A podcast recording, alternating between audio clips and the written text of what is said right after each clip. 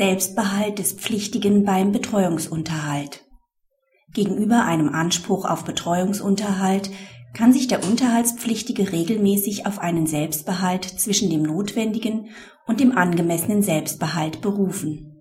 Die geschiedene Ehefrau verlangt von ihrem Ehemann nach ehelichen Unterhalt. Sie betreut die gemeinsame minderjährige Tochter. Der Ehemann war während der Ehe Vollzeit beschäftigt, erhielt in der Trennungszeit und kurz nach der Scheidung insgesamt rund acht Monate Krankengeld.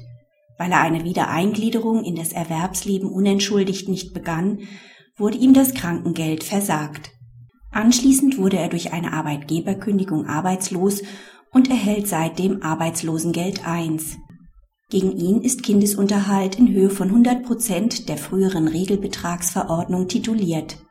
Das Amtsgericht spricht der Ehefrau Unterhalt zu. Das Oberlandesgericht weist die Berufung des Ehemanns zurück. Unter anderem führt es an, dass ihm lediglich der notwendige Selbstbehalt von Nichterwerbstätigen in Höhe von 770 Euro monatlich zustünde. Die kinderbetreuende Ehefrau sei genauso schutzwürdig wie ein Kind. Der BGH weist auf die Revision des Ehemanns die Klage mangels Leistungsfähigkeit ab. Seit 1. Januar 2008 ist der Kindesunterhalt im Rahmen der Leistungsfähigkeit des Pflichtigen vom unterhaltsrelevanten Einkommen abzusetzen. Das danach berechnete Einkommen liegt unter dem eher angemessenen Selbstbehalt. Der notwendige Selbstbehalt ist gegenüber dem Ehegatten nicht anzuwenden.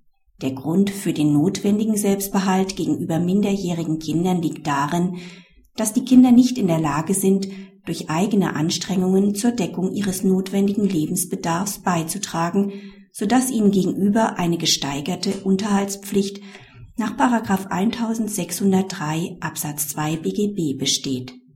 Das ist aber weder bei dem getrennt Lebenden noch beim geschiedenen Ehegatten der Fall, selbst wenn es sich um Betreuungsunterhalt handelt.